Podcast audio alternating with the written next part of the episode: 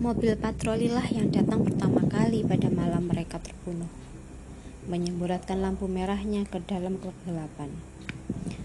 Dua polisi patroli memasuki rumah dengan cepat dan waspada, sadar betul bahwa mereka merespons panggilan dari sesama mereka. Seorang polisi yang menjadi korban dan bukannya penyelamat korban.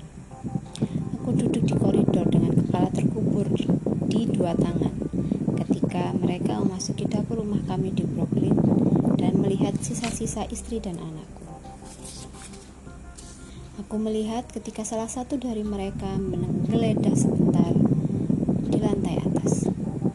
Sedangkan yang satunya memeriksa ruang keluarga, ruang makan, sementara itu dapur terus memanggil-manggil mereka, menuntut agar mereka menjadi saksi. Aku mendengarkan ketika mereka memanggil unit kasus kriminal lewat radio, memberitahukan kemungkinan pembunuhan ganda. Aku bisa mendengar nada shock dalam suara mereka. Namun, mereka tetap berusaha setenang mungkin sewaktu mengkomunikasikan apa yang mereka lihat. Seperti yang seharusnya dilakukan polisi yang baik. Mungkin saat itu pun mereka mencurigaiku. Mereka polisi, dan mereka lebih dari orang lain tahu pasti apa yang mungkin bisa dilakukan orang. Meski orang itu juga salah satu dari mereka. Dan mereka tetap diam. Satu berjaga di dekat mobil dan satu di koridor di sebelahku. Sampai para detektif datang. Diikuti ambulans dan mereka memasuki rumah kami Para tetangga sudah mulai berkumpul di beranda mereka, di gerbang mereka. Beberapa di antaranya mendekat untuk melihat apa yang terjadi. Apa yang mungkin terjadi pada pasangan muda di rumah itu? Pasangan muda dengan anak perempuan kecil mereka yang berambut pirang. Bert, aku mengusapkan tangan di mataku saat aku mengenali suara itu. Sebuah sedu sedan menggetarkan tubuhku. Walter Cole berdiri di depanku. Maggie agak di belakang. Wajahnya merah terkena lampu mobil patroli, tetapi masih terlihat pucat, terguncang oleh apa yang baru saja dia lihat. Di luar terdengar suara lebih banyak mobil berhenti. Seorang para medis muncul di pintu, mengalihkan perhatian Cole dariku. Para medis sudah tiba, kata salah seorang polisi patroli. Saat seorang pria muda kurus dengan wajah berminyak berdiri menunggu. Cole mengangguk dan menunjuk ke arah dapur. Birdman, ulang Cole. Kali ini dengan suara lebih keras dan nada yang agak memaksa. Kau mau ceritakan padaku apa yang terjadi di sini? Aku berhenti di tempat parkir di depan toko bunga. Angin sepoi-sepoi bertiup dan ekor mantelku berkelepak di kakiku, seperti tangan anak kecil. Di dalam toko, udaranya sangat sejuk, lebih sejuk daripada sewajarnya, dan dipenuhi aroma mawar. Mawar tidak pernah ketinggalan zaman ataupun musim. Seorang laki-laki membungkuk dengan seksama memeriksa daun-daun tebal mengilat sebuah tanaman hijau kecil. Dia menegakkan tubuhnya perlahan-lahan dan dengan susah payah ketika aku masuk. Malam, katanya. Bisa aku bantu? Aku mau beli beberapa tangkai mawar. Selusin. Tidak, dua lusin saja. Dua lusin mawar ya, sir. Dia bertubuh kempal dan botak. Mungkin umurnya sekitar awal 60-an. Dia berjalan dengan kaku, hampir-hampir tidak menekuk lututnya. Sendi-sendi jarinya bengkak karena rematik. AC-nya agak rusak, katanya. Ketika melewati AC yang terpasang di dinding, dia mencoba menyesuaikan temperaturnya, tapi tidak ada perubahan. Toko ini sudah tua, dengan rumah kaca panjang di sepanjang dinding belakang. Laki-laki itu membuka pintu dan mulai mengambil tangkai-tangkai mawar panjang dari ember di dalam rumah kaca itu. Setelah selesai menghitung 24 tangkai, ia menutup pintu lagi dan menata mawar-mawar itu di atas lembar plastik di atas counter. Mau dibungkus sebagai hadiah? Tidak usah, plastik biasa saja. Dia memandangku sesaat, dan aku hampir-hampir bisa mendengar suara kaitan terjatuh ketika proses pengenalan di otaknya dimulai. Apa aku pernah kenal kau di suatu tempat? Di kota, ingatan mereka pendek. Di luar kota, ingatan mereka lebih panjang. Laporan kriminal tambahan NYPD nomor kasus 96 12 1806 kejahatan pembunuhan. Korban Susan Parker kulit putih perempuan. Dan Jennifer Parker kulit putih perempuan. Lokasi 1219 Hobart Street dapur. Tanggal 12 Desember 1996 waktu sekitar 21.30 penyebab kematian di kamar senjata Senjata tajam, kemungkinan pisau, tidak ditemukan. Petugas pelapor, Walter Cole, sersan detektif. Detail, pada tanggal 13 Desember 1996, saya pergi ke 1219 Hobart Street merespons permintaan petugas polisi Gerald Kers yang meminta kedatangan detektif untuk memeriksa laporan pembunuhan. Sang pelapor, detektif tingkat 2 Charles Parker, menyatakan dia meninggalkan rumah pukul 19 setelah pertengkaran dengan istrinya Susan Parker. Dia pergi ke bar Tom's Oak dan tetap di sana hingga sekitar pukul 1.30 pada tanggal 13 Desember. Dia masuk rumah lewat pintu depan dan melihat perabotan di koridor berubah letak, jadi tidak beraturan. Dia masuk dapur dan menemukan istri dan putrinya menyatakan istrinya diikat di kursi dapur, tetapi mayat putrinya sepertinya sudah dipindahkan di kursi sebelahnya dan diatur di atas mayat ibunya. Dia menelepon polisi pukul 1.55 dan menunggu di TKP. Kedua korban yang diidentifikasikan Charles Parker pada saya sebagai Susan Parker, istri 33 tahun, dan Jennifer Parker, anak 3 tahun, berada di dapur. Susan Parker diikat di sebuah kursi dapur di tengah-tengah lantai, menghadap pintu.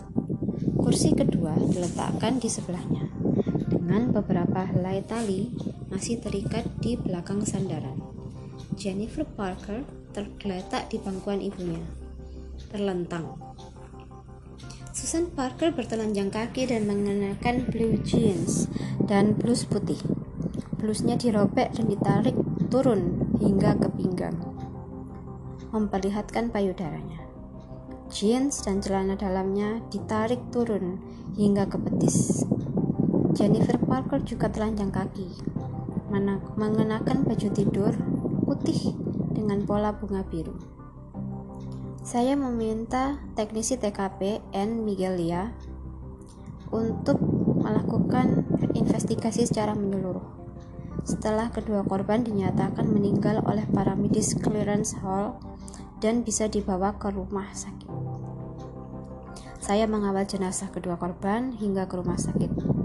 Saya mengamati saat Dr. Anthony Loeb menggunakan alat tes pemerkosaan dan memberikan hasilnya pada saya. Saya mengumpulkan barang-barang berikut sebagai bukti.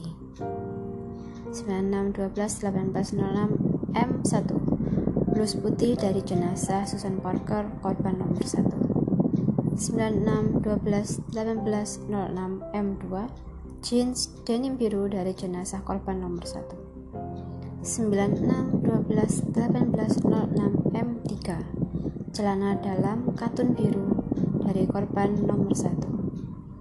96 19 18 06 M4 Sampel rambut kemaluan dari korban nomor 1 96 12 18 06 M5 Sampel cairan dari vagina no, korban nomor 1 96 12 18 06 M6 Sampel dari bagian bawah kuku jari korban nomor 1 tangan kanan. 96 12 18 06 M7 Sampel dari bagian bawah kuku jari korban nomor 1 tangan kiri. 96 12 18 06 M8 sampel sisiran dari rambut kepala korban nomor 1 bagian depan kanan. 96 12 18 06 M9 sampel sisiran dari rambut kepala korban nomor 1 bagian depan kiri. 96 12 18 06 M10 sampel sisiran dari rambut kepala korban nomor 1 bagian belakang kanan.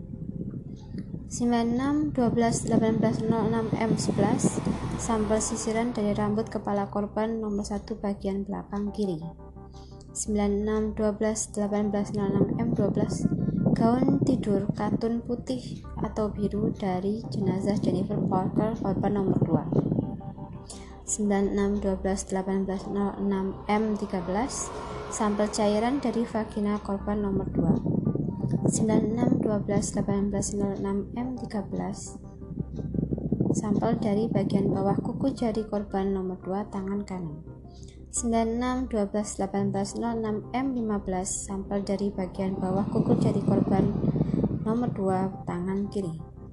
96 12 18 06 M16 sampel sisiran dari rambut kepala korban nomor 2 bagian depan kanan. 96 12 18 06 M17 sampel sisiran dari rambut kepala korban nomor 2 bagian depan kiri 96 12 18 06 M18 sampel sisiran dari rambut kepala korban nomor 2 bagian belakang kanan 96 12 18 06 M19 sampel sisiran dari rambut kepala korban nomor 2 bagian belakang kiri Pertengkaran kami saat itu lumayan pahit. Diperburuk oleh fakta bahwa pertengkaran itu terjadi setelah kami bercinta. Bara dari pertengkaran-pertengkaran yang lalu kembali menyala.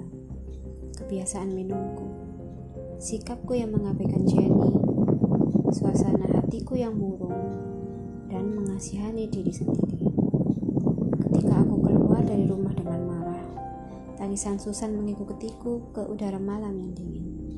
Bar itu jauhnya hanya 20 menit jalan kaki.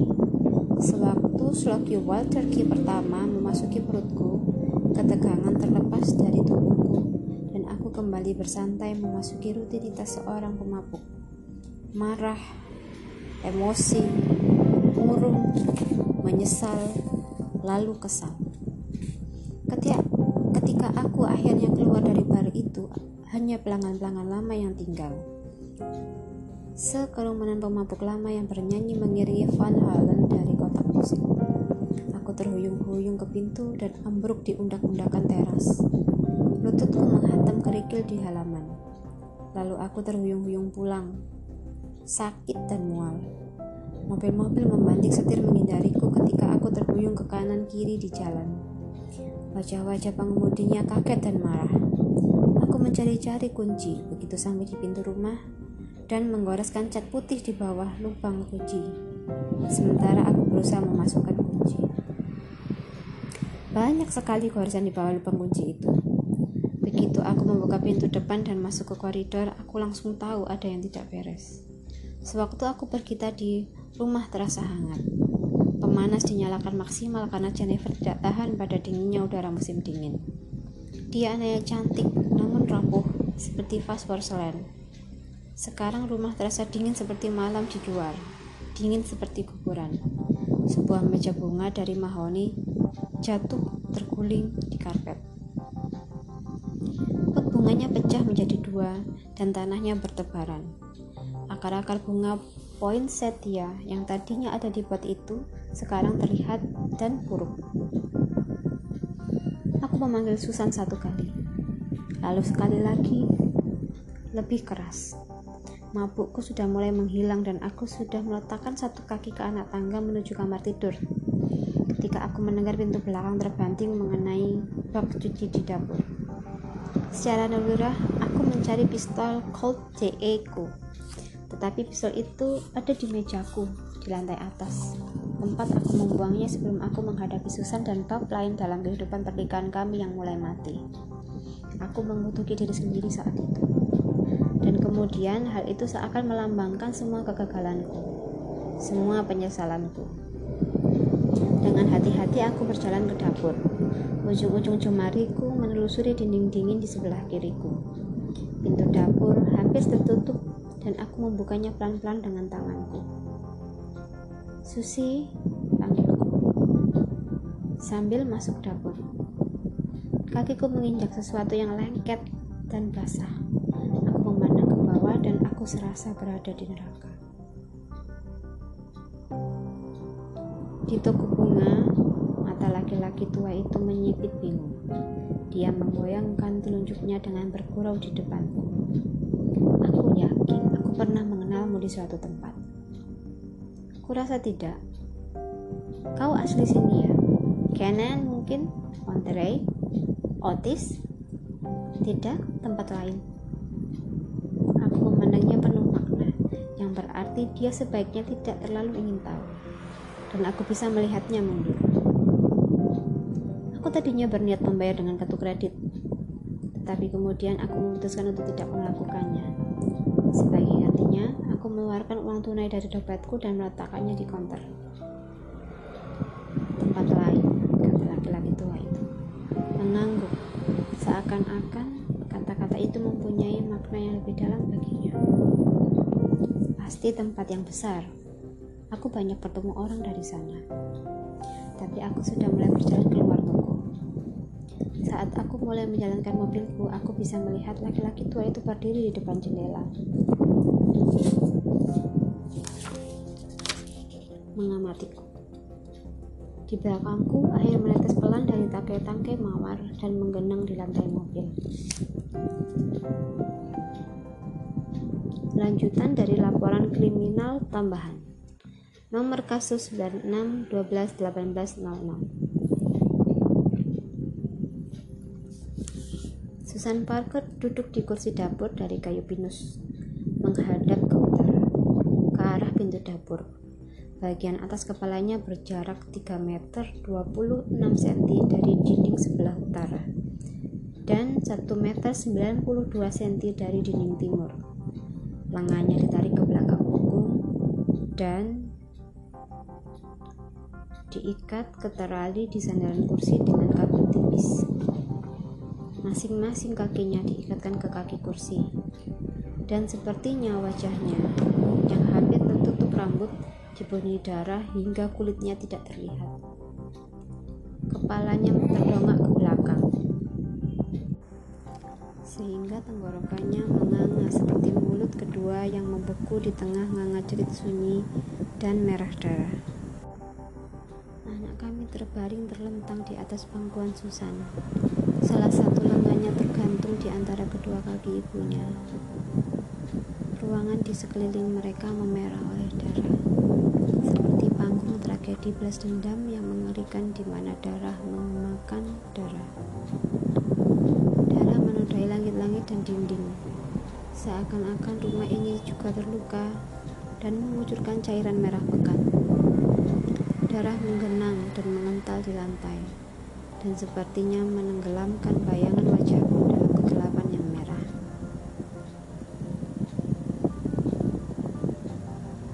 Hidung Susan Parker patah, bukannya konsisten, dengan akibat hantaman pada dinding atau lantai. Noda darah di dinding dekat pintu dapur mengandung serpihan tulang, bulu hidung, dan ingus.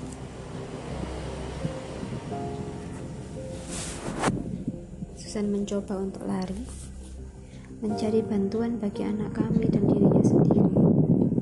Tetapi dia tidak berhasil melewati pintu.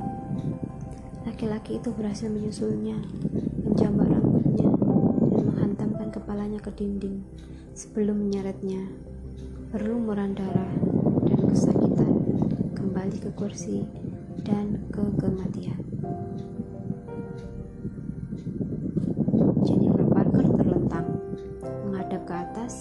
pangkuan ibunya dan kursi kayu pinus kedua diletakkan di sebelah kursi ibunya. Kabel yang terikat di sandaran kursi itu cocok dengan bekas luka di pergelangan tangan dan kaki Jennifer. Tidak ada banyak darah di sekitar Jenny, tetapi gaun tidurnya berlumuran darah dari torehan dalam di tenggorokannya. Dia menghadap ke pintu, rambutnya menggantung ke depan, menutupi wajahnya. Beberapa helai rambut menempel pada genangan darah di dadanya. Jari-jari kakinya yang telanjang menggantung di atas lantai ubin. Aku hanya bisa memandangnya selintas karena susah menarik pandanganku padanya dalam kematian. Seperti saat dia masih hidup meskipun di antara puing-puing kehidupan kami bersama. Dan ketika aku memandangnya, aku merasakan tubuhku merosot di dinding dan sebuah ruangan, setengah liar, setengah kanak-kanak, meledak dari jauh di dalam diriku. Aku memandang pada sosok perempuan cantik yang pernah menjadi istriku, dan lubang matanya yang kosong dan berdarah seakan menarik dan melingkupiku dalam kegelapan. Mata kedua korban dicungkil, mungkin dengan benda tajam setajam semacam pisau. Bagian dada Susan Parker dikuliti. Kulit dari tulang belikat hingga pusar telah dilepaskan. Ditarik ke belakang melewati payudara sebelah kanan dan direntangkan di atas lengan kanan. Cahaya bulan membekas dari jendela di belakang mereka, menyinarkan cahayanya yang dingin di atas konter yang mengilap. Dinding yang dilapisi ubin, karan stainless di bak cuci. Cahaya bulan itu menyinari rambut Susan, membasuh bahunya yang terbuka dengan cahaya keperakan yang bersinar, menembus membran tipis kulitnya yang ditarik dan direntangkan di lengannya seperti mantel mantel yang terlalu rapuh untuk mencegah dingin. Bagian genital kedua korban mengalami mutilasi yang cukup parah dan dan kemudian pembunuh itu menguliti wajah mereka berdua. Turun dengan cepat dan lampu-lampu mobil menyinari cabang dan ranting pohon yang telanjang ujung halaman berumput yang terpotong rapi, kotak-kotak surat yang putih bersih, sepeda anak-anak tergeletak di depan garasi. Angin bertiup lebih kencang sekarang. Dan saat aku meninggalkan jalur pepohonan, aku bisa merasakan angin itu bertiup dan meliuk di dalam mobil. Sekarang aku menuju Beckett, Washington, Berkshire Hill. Hampir sampai. Tidak ada tanda-tanda masuk dengan paksa. Pengukuran lengkap dan sketsa ruangan dicatat. Kedua korban kemudian dipindahkan. Pemeriksaan sidik jari memberikan hasil sebagai berikut. Dapur, koridor, ruang duduk. Ditemukan beberapa sidik jari yang kemudian diidentifikasi sebagai sidik jari Susan Parker. 96 12 18 06 7 Jennifer Parker 19, 12, 18, 06, 8 dan Charles Parker 96, 12, 18, 06, 9 Pintu belakang rumah dari dapur tidak ada sidik jari. Bekas-bekas air di permukaan mengindikasikan pintu telah dibersihkan dari bekas sidik jari. Tidak ada tanda-tanda perampokan. Tidak ada sidik jari yang didapatkan dari kulit kedua korban. Charles Parker dibawa ke bagian pembunuhan dan diambil pernyataannya. Terlampir. Aku tahu apa yang mereka lakukan pada saat aku duduk di ruang interogasi, karena aku juga sering melakukannya. Mereka menanyaiku seperti aku pernah menanyai orang lain, menggunakan pertanyaan-pertanyaan formal dan aneh ala interogasi polisi. Seingatmu, apa yang kau lakukan kemudian? Apa kau ingat bagaimana posisi duduk para pelanggan lain di bar itu? Apa kau melihat kondisi kunci pintu belakang? Itu jargon samar dan membingungkan untuk mengantisipasi konflik legal yang menggantung di setiap proses investigasi kriminal, seperti asap rokok menggantung di bar. Setelah aku selesai memberikan pernyataan, Cole mengeceknya dengan pernyataan Tom dan memastikan aku memang ada di bar. Seperti yang kukatakan, bahwa aku tidak mungkin membunuh istri dan anakku sendiri. Tetapi, bahkan saat itu pun ada bisik-bisik. Aku diinterogasi lagi dan lagi tentang pernikahan kami, tentang hubunganku dengan Susan, tentang ke mana saja aku beberapa minggu sebelum terjadinya pembunuhan. Aku akan mendapatkan klaim asuransi yang lumayan besar atas kematian Susan, dan aku ditanyai juga tentang itu. Menurut petugas koroner, Susan dan Jennifer sudah meninggal selama 4 jam saat aku menemukan mereka. Otot leher dan rahang bawah mereka sudah mulai kaku, mengindikasikan bahwa mereka sudah meninggal sekitar pukul 21.30 atau sedikit lebih awal. Susan meninggal karena putusnya nadi, tetapi Jenny Jenny mati karena apa yang digambarkan sebagai serbuan mendadak hormon epinefrin ke dalam sistemnya menyebabkan degup jantung yang terlalu cepat dan akhirnya kematian Jenny. Anak lembu dan peka anak dengan jantung lemah mati ketakutan sebelum pembunuhnya sempat memotong lehernya. Dia sudah mati saat wajahnya dikuliti kata petugas koroner. Namun dia tidak bisa mengatakan apakah Susan juga sudah mati sewaktu dikuliti seperti halnya dia tidak bisa memastikan kenapa mayat Jennifer dipindahkan setelah mati Laporan selanjutnya akan sekali diserahkan. Walter Cole, Sersan Detektif. Aku punya alibi seorang pemabuk. Ketika seseorang membunuh istri dan anakku, aku sedang minum bourbon di bar. Tetapi mereka berdua masih datang dalam mimpiku. Kadang-kadang tersenyum dan cantik seperti saat mereka masih hidup. Kadang-kadang tidak berwajah dan berlumur dan darah seperti saat mereka mati. Mengajakku tenggelam lebih jauh dalam kegelapan, di mana tidak ada tempat untuk cinta dan kejahatan tersembunyi. Dihiasi ribuan mata yang tidak melihat dan wajah-wajah tidak berkulit orang-orang yang sudah mati.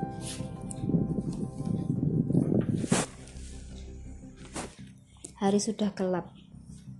Sewaktu aku tiba dan gerbang tertutup dan terkunci. Pagar dindingnya rendah, dan dengan mudah aku memanjatnya. Aku berjalan dengan hati-hati agar tidak menginjak batu nisan atau bunga. Hingga aku berdiri di depan mereka. Bahkan dalam kegelapan, aku tahu di mana bisa menemukan mereka, dan mereka juga bisa menemukanku. Mereka datang padaku, kadang-kadang, di antara saat-saat bertidur dan terjaga saat jalan-jalan sunyi di kegelapan atau saat fajar mulai menyembul di kisi-kisi tirai. Menyinari kamar dengan cahayanya yang suram. Mereka datang padaku, dan aku melihat sosok-sosok mereka dalam keremangan, istri dan anakku bersama, memandangku dalam diam. Berlumuran darah dalam kematian yang tidak tenang, mereka datang padaku Nafas mereka berbaur dalam embusan angin malam yang menyapu pipiku, dan jari-jari mereka ada di rantingan yang mengetuk-ngetuk jendelaku. Mereka datang padaku, dan aku tidak lagi sendirian.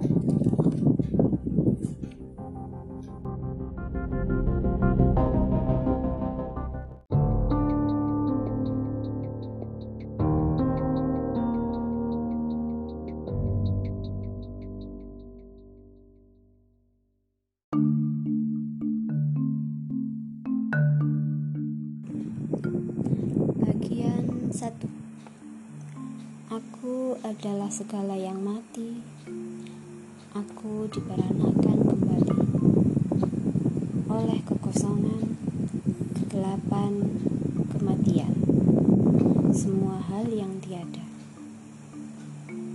Oleh John Donne, A Nocturnal Upon a Lucy's Day.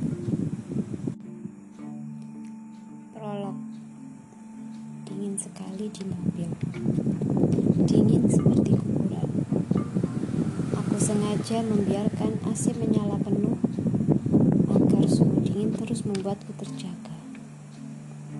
Volume radionya pelan, tetapi aku masih bisa mendengar nada lagu. Samar-samar di sela suara deru mesin mobil.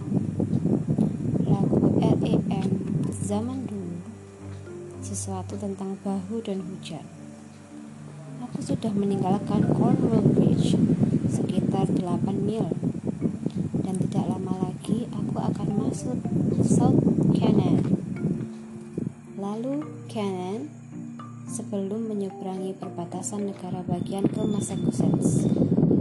Di depanku, sinar matahari mulai memudar sementara perlahan-lahan hari berganti malam.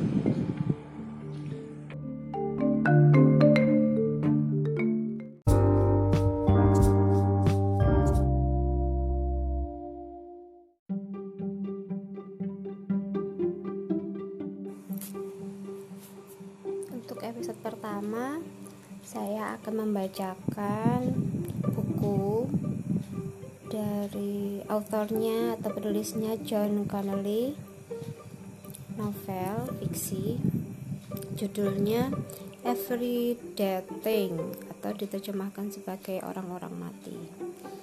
Hmm, yang kebetulan yang dibaca ini penerbitnya Gramedia Pustaka Utama termasuk genre novel thriller dan di sinopsisnya itu novel ini termasuk dalam pemenang Samus Award for Best First Novel di tahun 1999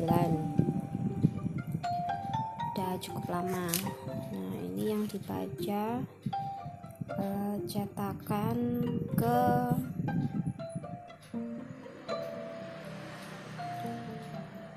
oh ini cetakan pertama ya dipublish di 2003 kemudian copyright di Indonesian Language Translation itu tahun 2011 kemudian kita lanjut ke bagian satu